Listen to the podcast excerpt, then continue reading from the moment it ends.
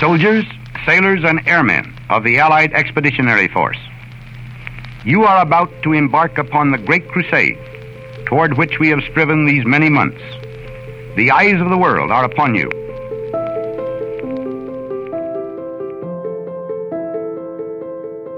Het is op alle fronten oorlog.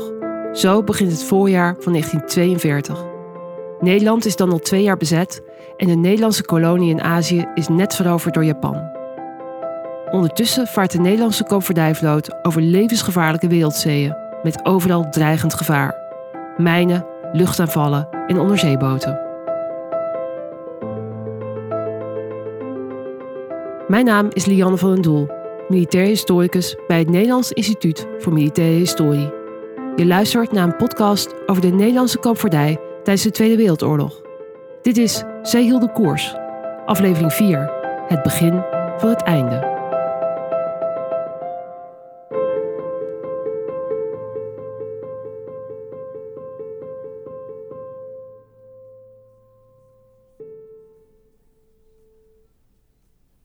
De koopvaardij blijft een belangrijke schakel in de oorlogsvoering.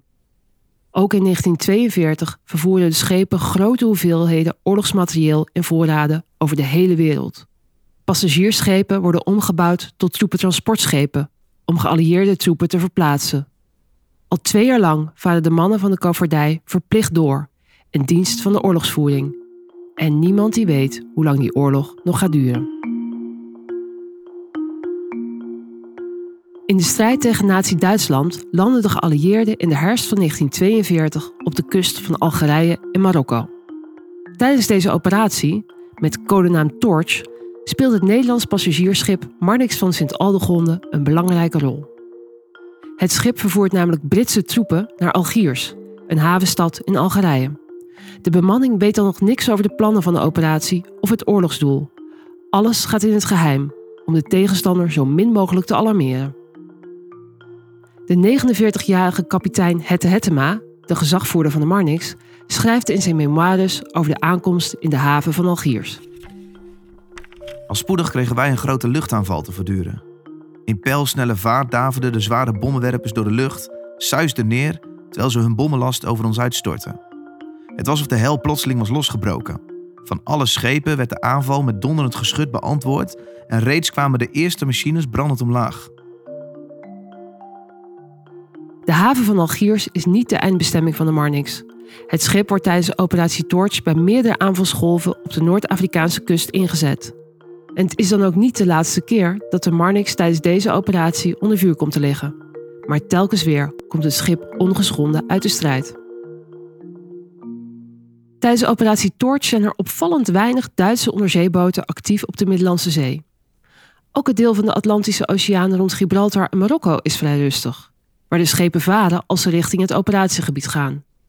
De Duitsers hebben duidelijk geen inlichtingen over de op handen zijnde invasie in Noord-Afrika. Zodra de Duitsers doorhebben dat de grootschalige geallieerde operatie bezig is in de Middellandse Zee, gaan de Duitse en Italiaanse onderzeeboten daar de strijd aan. Zo komen de schepen van operatie Torch nog meer onder vuur te liggen. Tegelijk zorgt dit voor een periode van relatieve veiligheid op de Noord-Atlantische Oceaan. Want de Duitse schepen zijn nu vooral op de Middellandse Zee actief. Relatief veilig dus. Want door de geallieerde operaties in Noord-Afrika zijn er maar weinig escorteschepen voor de konvooien beschikbaar. En daardoor varen veel schepen onbeschermd over de oceaan. Zodra operatie Torch ten einde is, focussen Duitse onderzeeboten zich weer op de strijd op de Noord-Atlantische Oceaan want daar ligt nog steeds het strategisch zwaartepunt van de strijd. In de gap. Het gapende gat in het midden van de oceaan, waar de koopvaardij niet meer kan worden geëscorteerd door schepen of op ondersteuning vanuit de lucht kan rekenen. En waar de wolfpacks van de Duitse onderzeeërs vrij spel hebben. De eerste maanden van 1943 worden het hoogte- of dieptepunt in de Battle of the Atlantic. De gap moet gesloten. Dat is wel duidelijk. Ja, de Battle of the Atlantic uh, zie je eigenlijk dat uh, in de beginperiode met de konvooien die daar varen, heeft men geen antwoord op uh, ja, de aanvallen van met name Duitse U-boten. Zoals in eerdere afleveringen hoor je Adrie van Vliet, maritiem historicus bij het Nederlands Instituut voor Militaire Historie. En uh, dat uh, culmineert eigenlijk in 43 tot een soort turning point. Zie je dat een aantal ontwikkelingen uh, ja, zich voordoen, waardoor de maatregelen ontwikkeld kunnen worden om zich wat meer te, ja, te beschermen tegen die bovenwateraanvallen van U-boot en torpederingen. Dat keerpunt in de Battle of the Atlantic moet worden afgedwongen door de geallieerden. In januari 1943 is er een geallieerde conferentie in Casablanca. Er komt onder andere een actieplan om de gevaren van de gap aan te pakken. Te beginnen met meer ondersteuning vanuit de lucht. De beste beschermer van konvooien tegen onderzeeboten is altijd het vliegtuig geweest. Honderden mijlen van de Atlantische Oceaan waren zonder deze vliegtuigbescherming. Want de geallieerden beschikten niet over voldoende vliegkampschepen voor dit doel. Hoe zouden konvooien over deze grote afstand nu toch vliegtuigbescherming kunnen krijgen? Men zocht naar schepen die als vliegkampschip konden dienen en tegelijkertijd lading konden vervoeren. Daarnaast moeten de Duitse onderzeeboten worden verslagen om de slag op de Atlantische Oceaan echt te winnen. Er zijn technische ontwikkelingen die de geallieerden ondersteunen in hun strijd. Adrie legt uit. En er zijn een aantal punten voor te noemen. Allereerst de ontwikkeling van de radar. De Duitse admiraal Dönitz eh, die noemde dit later zelfs een van de belangrijkste oorzaken van het verliezen van de Battle of the Atlantic door de Duitsers. Want men was eerder op de hoogte waar de uh, vliegtuigaanvallen vandaan kwamen. Verder uh, is een leuk uh, ja, verhaal wat echt een oorlog thuis hoort. is een buitengemaakte codeermachine, de Enigma-machine. Uh, die wordt buitengemaakt op een U-boot valt uh, volledig intact in handen van de Engelsen. En ze slagen erin ook die code machine te kraken. Waardoor ze eigenlijk met behulp van die informatie uh, betere informatie krijgen over waar de Duitse U-boten zich bevinden. Niet zozeer het berichtverkeer wordt gekraakt, maar veel meer de locaties van de U-boten. Wat natuurlijk belangrijk is voor de bescherming. Een andere eh, belangrijke verbetering die in die periode plaatsvindt, is die van het sonarsysteem. Daardoor konden U-boten beter uitgepeild worden en daardoor ook beter bestreden worden met dieptebommen. Waardoor ook uh, ja, de U-boten gedwongen werden om uh, langer onder water te blijven. De radar, de sonar, het kraken van een buitgemaakte Duitse codeermachine. Het zijn vooral de technologische ontwikkelingen waardoor de Duitse onderzeeboten nu zelf doelwit zijn van de jacht op zee. De inhoud van de berichten kunnen de geallieerden misschien niet ontcijferen, maar dat is ook niet zo belangrijk. Het gaat er vooral om dat de locatie van de onderzeeboten achterhaald kan worden. Die moeten namelijk wel onderling blijven communiceren om gezamenlijk te kunnen optreden in wolfpacks. Want coördineren van de aanval verloopt via radioverkeer. En dan lopen ze het risico hun posities te verraden. Daarom wordt de aanvalsmethode met wolfpacks gestaakt. Dit zorgt ervoor dat de dreiging van de Duitse onderzeeboten afneemt. Daarnaast worden extra beveiligingsmaatregelen getroffen. Een andere belangrijke factor is ook geweest, eh, denk ik, de toenemende bouw van escorteschepen en van vrachtschepen. Met name uh, ja, vanuit de Verenigde Staten. En tot slot, de vliegtuigen worden ook beter ontwikkeld. Die krijgen een grotere actieradius, waardoor ze veel langer die konvooien ook kunnen begeleiden en kunnen optreden tegen aanvallen van de Luftwaffe. De Battle of the Atlantic komt op een keerpunt. En dit keer in het nadeel van de Duitsers. Ja, uiteindelijk zie je dus dat die Duitse U-boten eh, minder tonnage tot zinken brengen. In het begin was dat heel veel. En uh, wordt dat minder. En met name wat ook meespeelt is, er wordt meer aangebouwd dan tot zinken wordt gebracht door de Duitsers.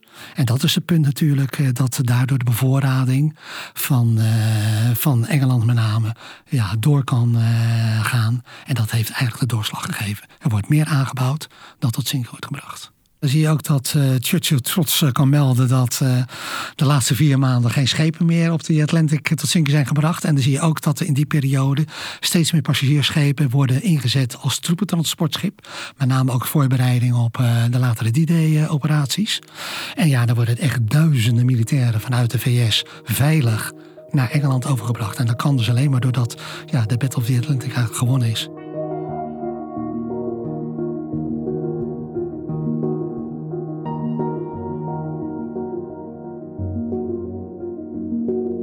Het schip de Marnix, dat we al eerder zijn tegengekomen bij operatie Torch in 1942, is in de zomer van 1943 ook betrokken bij operatie Husky, de codenaam voor de landing op Sicilië. De troepen die de Marnix aan land brengt, nemen de Nederlandse vlag mee. Met het ochtendgloren ziet de Nederlandse bemanning van het koopvaardijschip de driekleur wapperen op het strand. Vreugdekreten klinken op het schip. Gezagvoerder Hettema schrijft: De soldaten waren aan land. De vijand was teruggeslagen. Een klein stukje Europa behoorde aan de geallieerden. En daarop wapperde ook onze oude trouwe driekleur. Het rood, wit en blauw. De Marnix wordt nog een derde keer ingezet bij een landingsoperatie. In september 1943 naar het vasteland van Italië. Operatie Avalanche.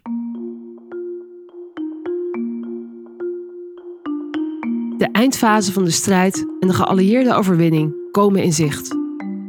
Vier jaar na de inval in Nederland kunnen de koopvaardijschepen bijdragen aan de grootste amfibische operatie van de Tweede Wereldoorlog. Eind mei 1944 verzamelt een groot aantal schepen zich in de havens aan de zuidkust van Groot-Brittannië. Ze gaan meedoen aan een dan nog onbekende operatie, waarvan niemand weet wanneer deze zal starten. Alles rond de operatie is geheim, voor het maximale verrassingseffect. Soldiers, sailors, and airmen of the Allied Expeditionary Force, you are about to embark upon the great crusade toward which we have striven these many months. The eyes of the world are upon you. The hopes and prayers of liberty loving people everywhere. The eyes of the world are upon you. Met die woorden probeert generaal Dwight D. Eisenhower in de vroege ochtend van 6 juni 1944 zijn mannen moed in te praten. The tide has turned. The free men of the world are marching together to victory. I have full confidence in your courage, devotion to duty, and skill in battle. We will accept nothing less than full victory. Good luck, and let us all beseech the blessing of Almighty God upon this great and noble undertaking. Het is de start van de landingen op de kust van Frankrijk. Operatie Overlord. Het is D-Day. De bevrijding van West-Europa is begonnen. 4:30 Eastern Wartime, your station WEAF, New York.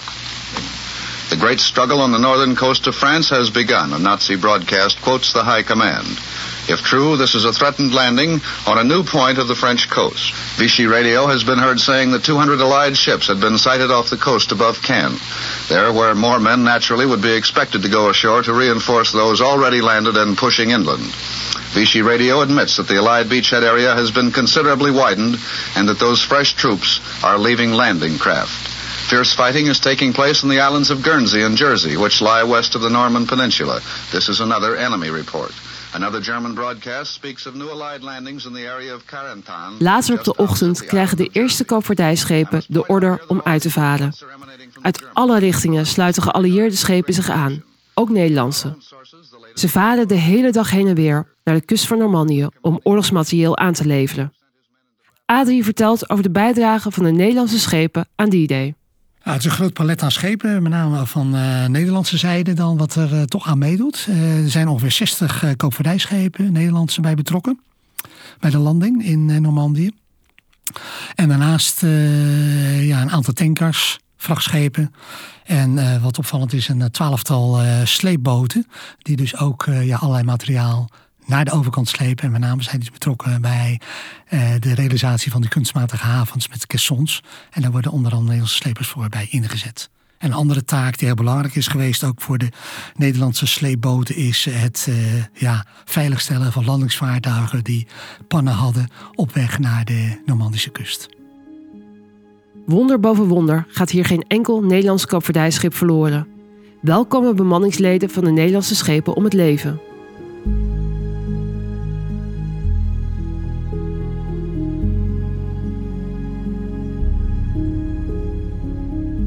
Na de landingen in Normandië worden de Nederlandse koopvaardijschepen ook ingezet voor het vervoer van troepen en materieel voor de geallieerde opmars. Want de strijd in Europa is nog niet voorbij. En de bevrijde gebieden moeten ook weer worden bevoorraad. Stapje voor stapje komt de bevrijding van heel Europa steeds dichterbij. Het zuiden van Nederland is in het najaar van 1944 bevrijd. Maar voor de gebieden boven de rivieren volgt nog een zware winter. Wanneer Duitsland in mei 1945 verslagen is, is de oorlog in Azië en de Pacific nog niet voorbij. Daar gaat de strijd tegen Japan dan nog onverminderd door. Ook in Azië komen Nederlandse koopvaardijschepen in actie tijdens geallieerde offensieven. Zo zijn er drie Nederlandse koopvaardijschepen eind 1944 betrokken bij de slag om Leyte. Hier maakt Japan voor het eerst gebruik van kamikaze-piloten, zelfmoordeenheden die zich met vliegtuigen en al in vijandelijke schepen boren.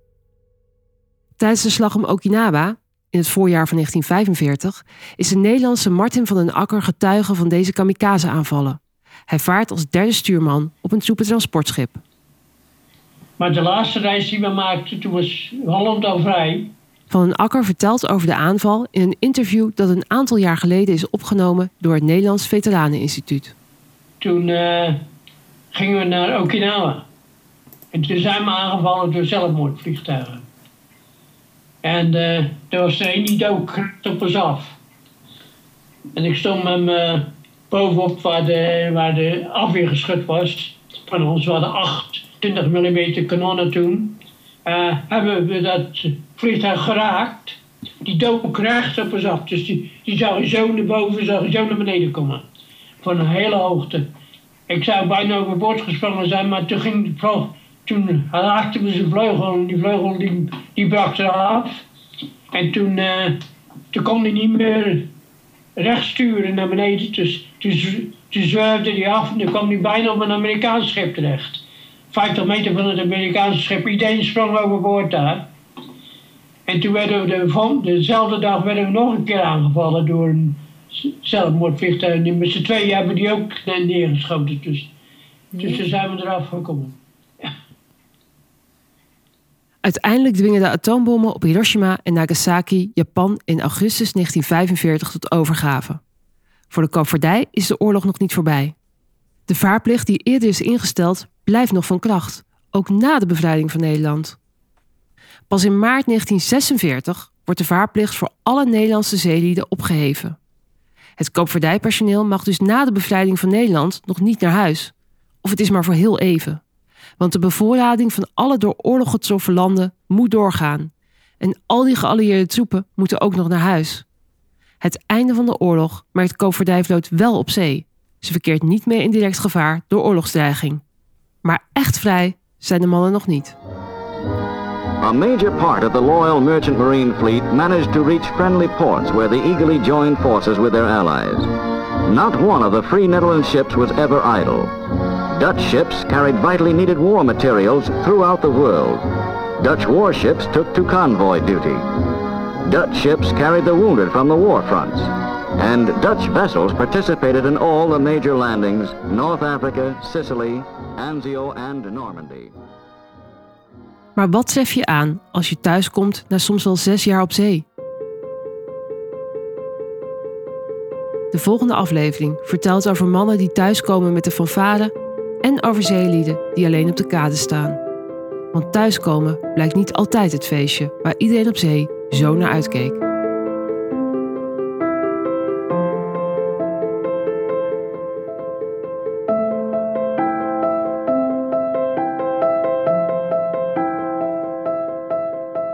Zij hielden koers is een productie van het Nederlands Instituut voor Militaire Historie en het podcastkantoor.